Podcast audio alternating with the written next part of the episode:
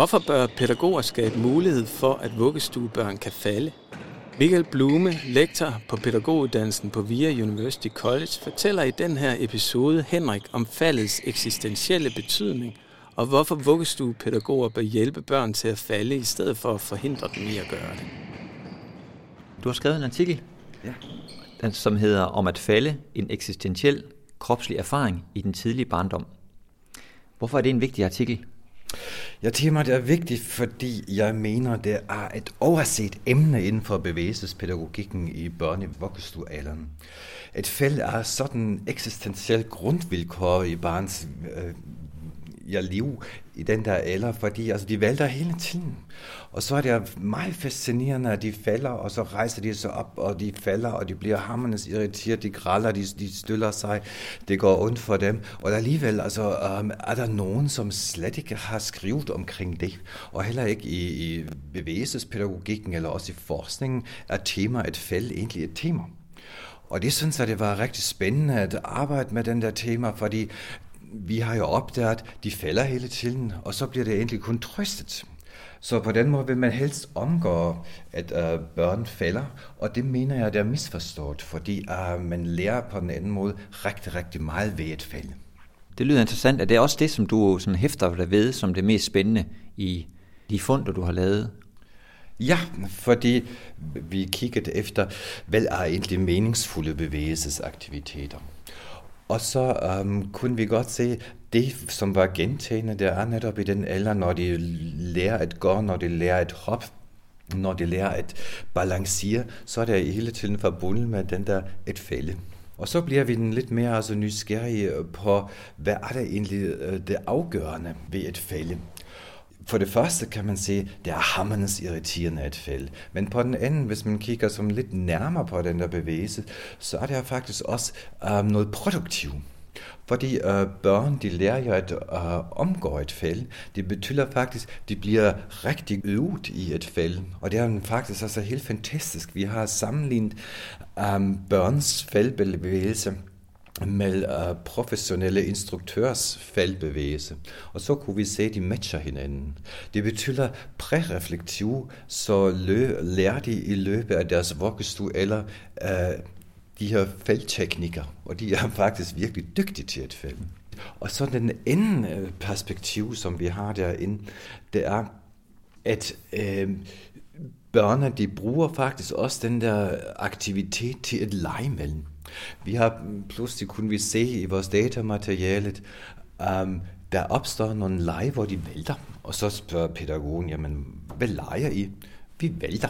Og så har der de, altså de rigtig sjov, så løber de frem og tilbage, og så falder de, venter på hinanden, kigger på hinanden og griner ved hinanden op igen tilbage, og så starter de forfra. Det betyder faktisk altså netop den der kropslige erfaring, at vælte og falde, og også at kun falde, er egentlig altså en rigtig interessant erfaring, som er, stiller så dybt ind i kroppen, at de kan også bruge den erfaring, både i leg og også den der kropslige kommunikation med andre. Og det synes jeg, det er øh, rigtig spændende, at den der pointe, at øh, børn i vuggestue eller de er faktisk rigtig dygtige til at falde. De er faktisk rigtig dygtige standmænd. Det lyder næsten som sådan en overset øh, grundmotorisk færdighed. Ja, der har vi diskuteret også rigtig meget. Um, er det nu en motorisk færdighed? Fordi altså, den bliver ikke accepteret i forskningen som motorisk færdighed, og man kan ikke læse omkring altså et fald som en uh, motorisk færdighed. Fordi også når man kigger nu i forskningslitteraturen, så og kigger vel, er der skrevet øh, omkring børn og et fald i vuggestuealderen eller børnehavealderen, så er det ikke særlig meget, så er det egentlig bare øh, prævention for at øh, omgå uheld. Og man kan også se i mange vuggestuer, hvor de måske også indretter legepladser og øhm, institutionens indendørs områder, så at børnene øh, ikke slår sig for hårdt. Og nogle gange synes jeg, at der er en misforståelse, altså pædagogik, hvor man slet ikke altså, øhm, ser på de her kvaliteter, som det er et fælden. Man vil helst omgå, at børnene slår sig, men netop den der Uh, hvor man kan sige, fysisk aktive børn er også fældende børn i vuggestuealderen. Så det er enormt vigtigt, at de har muligheder til at falde, og også at udvikle altså de her egenskaber, fordi det er altså rigtig vigtigt for at kunne vurdere risiko og faldrisiko. Og det kan man kun lære via et fald. Der er ingen, som kan fortælle dem i vuggestue eller, eller altså, hvordan man falder. Det er ren altså, præreflektiv kropslig læring. Mm. Ja, du, du taler også om det som en sådan en eksistentiel erfaring, som, øh, som børnene gør. I den alder, når man øh, arbejder mod tyngdekraften og forsøger at rejse sig op, og forsøger at øh, hoppe og forsøger at balancere, så er de her vilkår øh, til stede, at man vælter, og derfor mener vi, det er en eksistentiel vilkår. Også der er den der frustration, øh, som er forbundet med, og også der hammernes irriterende, at bliver afbrudt. Det her med, at kroppen vil ikke sådan, som, som jeg vil.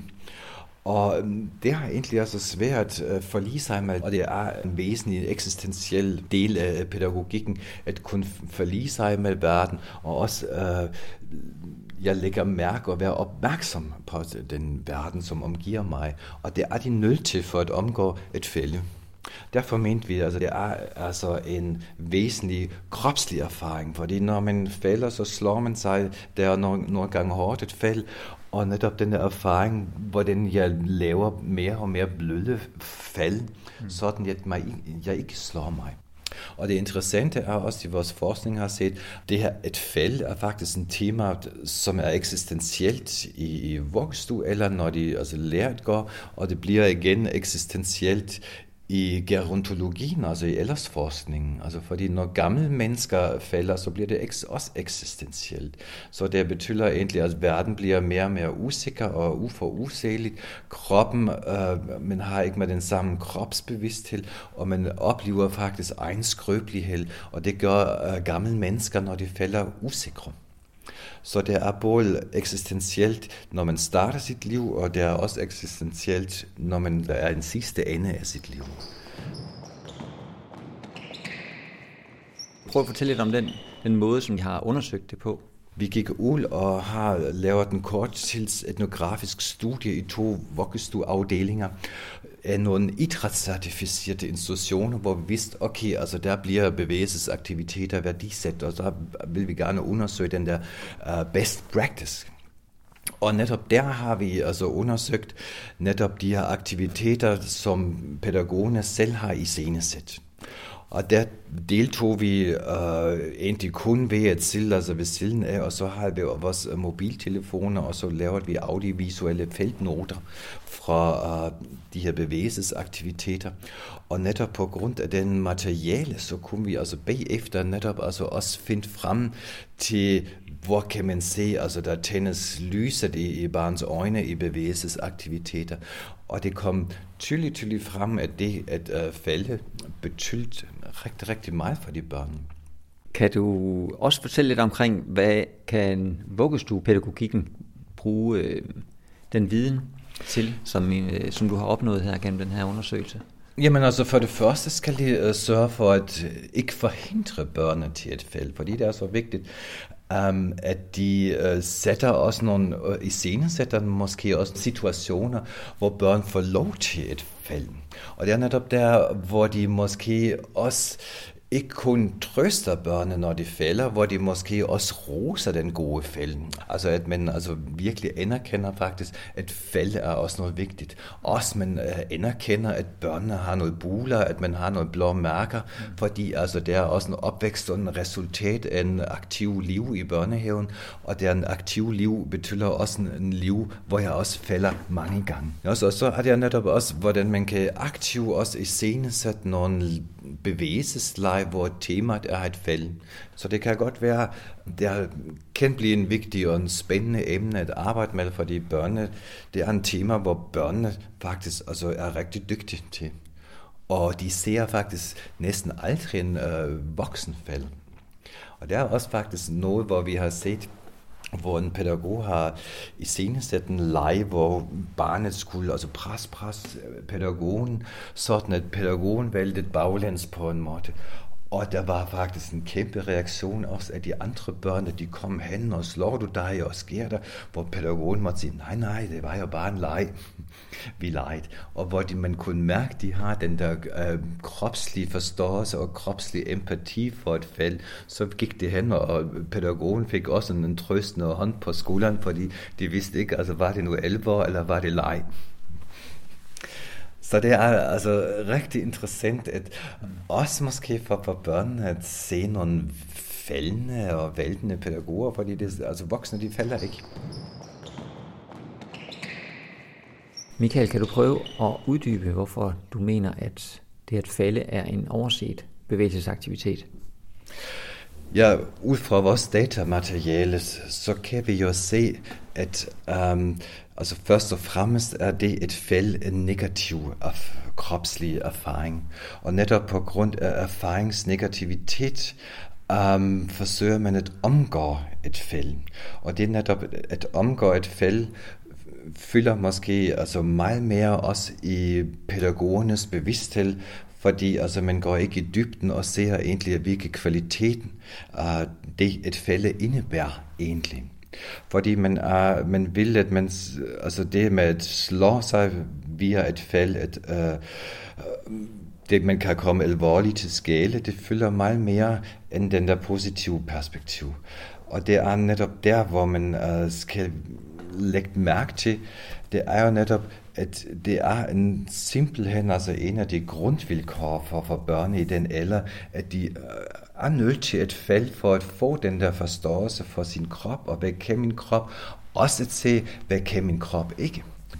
Så på den måde er det den der øget kropsbevidsthed, som de øh, opnår, og også den der øget opmærksomhed altså mod verden, og den der risikovurdering, som gør egentlig, at børnene kan også øh, finde ud af, altså hvor højt kan jeg klatre op og, og hoppe nul, hvor langt kan jeg hoppe over noget, uden at falde. Og det er netop altså den der basic øh, forståelse, som øh, jeg, jeg mener altså kommer frem til en øget kropsbevidsthed. Plus synes jeg, det er en rigtig spændende at arbejde faktisk altså med kroppens eksistentielle dimensioner. Både er det nu vigtigt i forhold til pædagogiske læreplaner, hvor de opfordrer i læreplanen, at man arbejder med den eksistentielle øh, dimension af kroppen, men ingen vil så rigtigt, hvad betyder det egentlig? Og det var også en af de motivationer for at starte overhovedet, altså vores undersøgelse, netop at undersøge, uh, på hvilken måde kan en uh, eksistentiel forståelse af krop og bevægelse um, bidrage med at uh, promovere den gode bevægelsespædagogik i vuggestuen. Tak til Michael, som er vores kollega i forskningsprogrammet Krop, Idræt og Bevægelse. Remove er ikke kun en podcast, men en formidlingskanal for vores særlige forskningsperspektiv. Her fokuserer vi på sanselige og oplevelsesmæssige sider ved bevægelse og bevægelsespædagogik. I episodens noter finder du referencer til artikler og til hjemmesiden re-move.dk.